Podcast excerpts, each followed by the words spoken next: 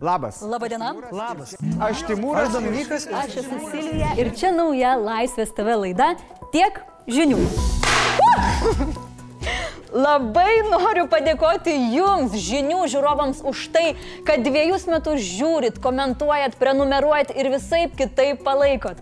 Per šiuos dviejus metus mes užklejavome tarpą tarp televizorių, wow. dar labiau pagarsinome Timūro balsą, Labas. nenustojome dainuoti ir parodėme begalę mielų gyvuliukų. Pažadam ir toliau juos rodyti ir keturis kartus per savaitę pranešti Jums svarbiausias Lietuvos ir pasaulio naujienas. O per tiek žinių gimtadienį papasakosiu apie tai, kaip šventėm vasario 16-ąją. Rusijos blefavimą apie Lietuvos rūpestį arba nerūpestį Ukraina ir Ramūno Karbauskio išstojimą. Vasario 16 vakar buvo įvairi. Pamatėme skirtingas nuotaikas ir skirtingą požiūrį į nepriklausomybės atkūrimo šventę. Vieni šventė, džiaugiasi laisvę, šipsojosi ir aukštai kėlė vėliavas, o kiti tikėjosi paprotestuoti. Nemažos kritikos lavinos sulaukė policija. Prieš renginį žadėjusi, kad įleis visus, nieko nediskriminuos, policija labai daug dėmesio skyrė plakatus su savimi nešusiems žmonėms. Jūs plakatą, plakatą pasidedat. Plakatą pasidėkit, prašau, iki švęs. Pareigūnai sakė, kad tai yra taiki šventė. Čia ne mitingų leidimas duotas, o taikiai akcijai. Beje, eidamas pro šį plakatą laikusi žmogų, Gitanas Nausėda turėjo pastabų ir pasakė, su šia nuotaika ir gal be šitų plakatų, mielasis. Policijos departamento atstovas spaudai Ramūnas Matonis tikino, kad policija plakatus tikrino prevenciškai, žiūrėjo, kad nebūtų įžeidžiančių dalykų. Jis sakė, kad žmonės plakatus galėjo įsinešti į renginį. Hmm, truputį keista, kažkodėl nesutampa kalbos ir užfiksuoti veiksmai. Juos kritikavo visuomenės veikėjas buvęs prezidento Valdo Damkaus patarėjas Darius Kuolys. Jo teigimu buvo pažeista Lietuvos konstitucija. Jis net retoriškai klausė, ar bus atsiprašyta plakatą laikiusio žmogaus. Kas dar gero? Premjerė šoko pagal sindikatą. Profesoriaus Landsbergio kalbą iš signatarų namų balkono bandė nušvilpti pavieniai švilpikai. Na, o prezidentūra net du kartus suklydo su himnu. Pirmą kartą nesugebėjo pakviesti operos solisto Kostos Murigino, todėl šis nespėjo laiku įstoti į tautiškos giesmės gėdojimą. Žemė?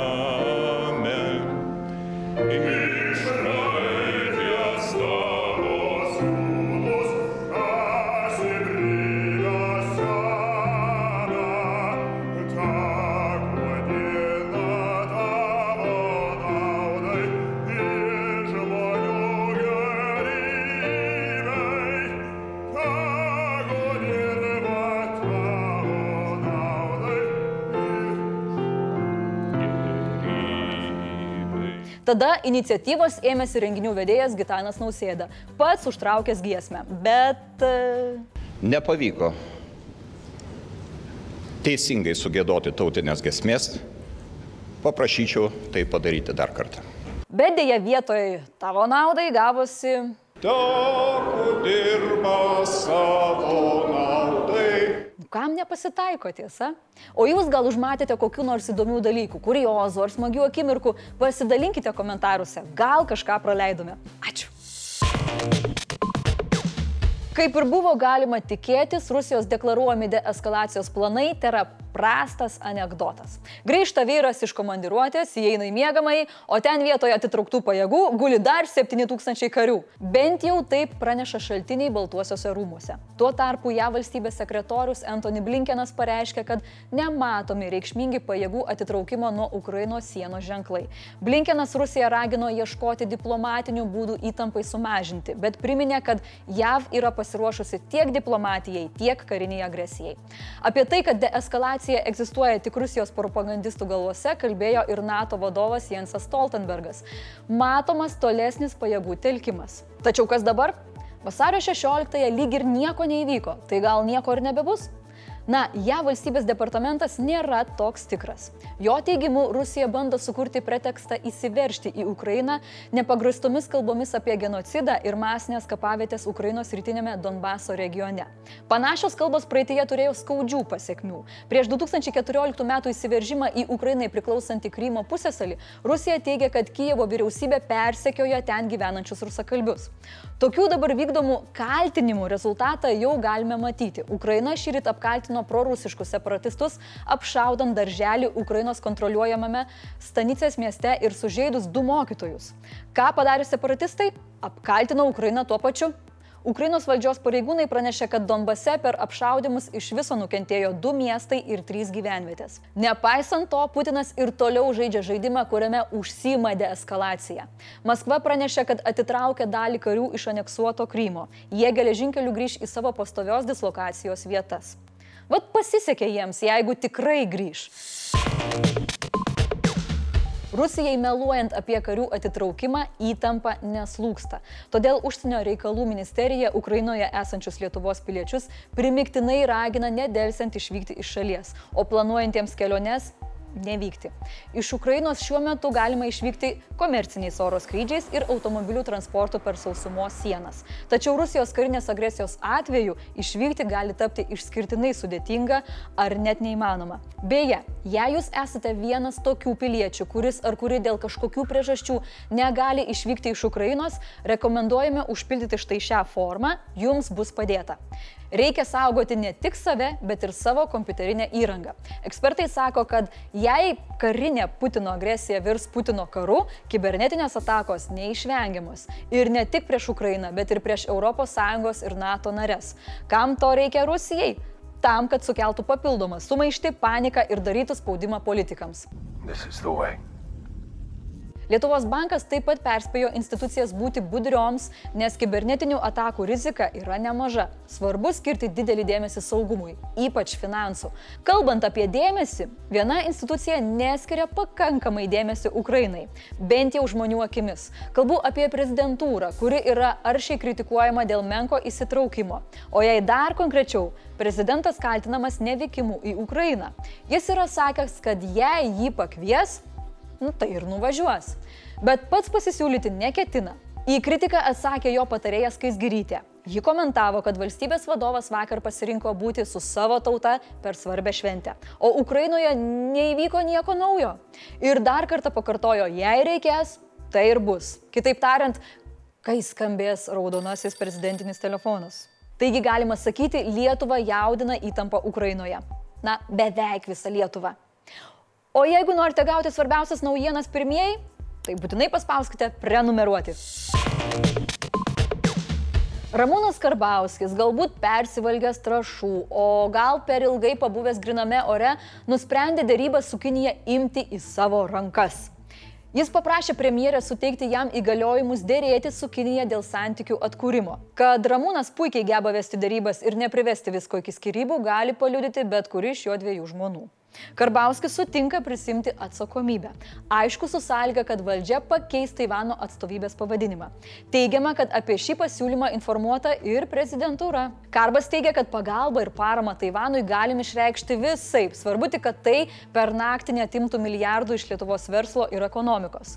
Dar valstiečių lyderis išvelgia valdančiųjų veiksmuose galimą dalyvavimą nešvariuose užsienio politikos žaidimuose ir akivaizdų kompetencijų bankrotą.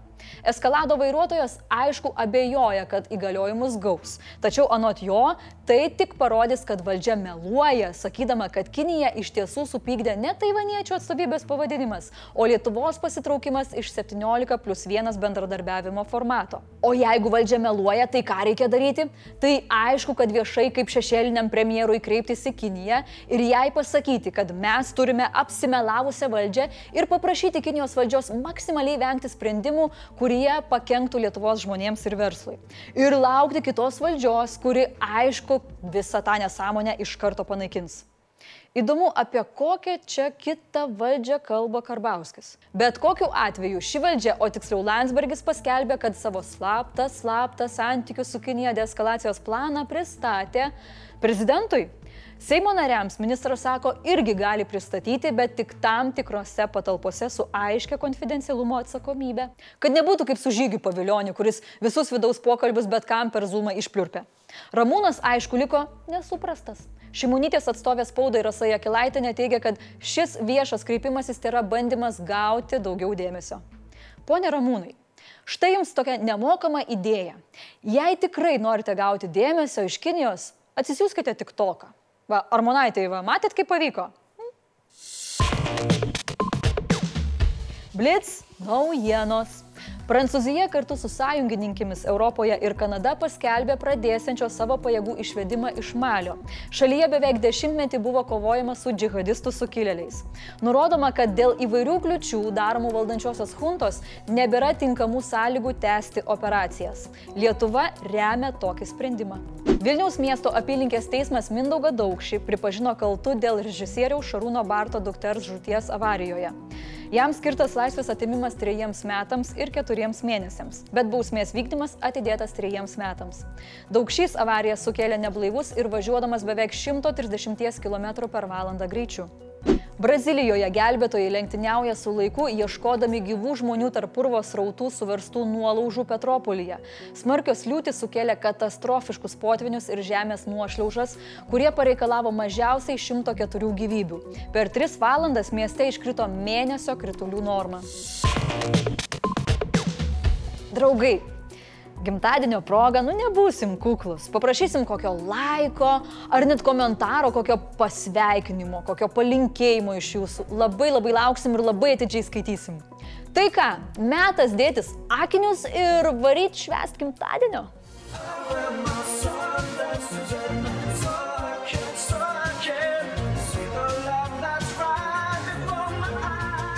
Mėlyjeji, noriu dar kartą padėkoti, kad esate ir žiūrite mus. Ačiū aršiausiems kritikams ir ištikimiausiems žiūrovams. Ačiū dirbusiems ir kūrusiems laidą. Ačiū dabartiniai nuostabiai komandai, kuri kasdien stengiasi, kad tiek žinių taptų jūsų vakaro, ryto ar laisvos 5 minutės tradicija. Ačiū Jums. Tiek žinių.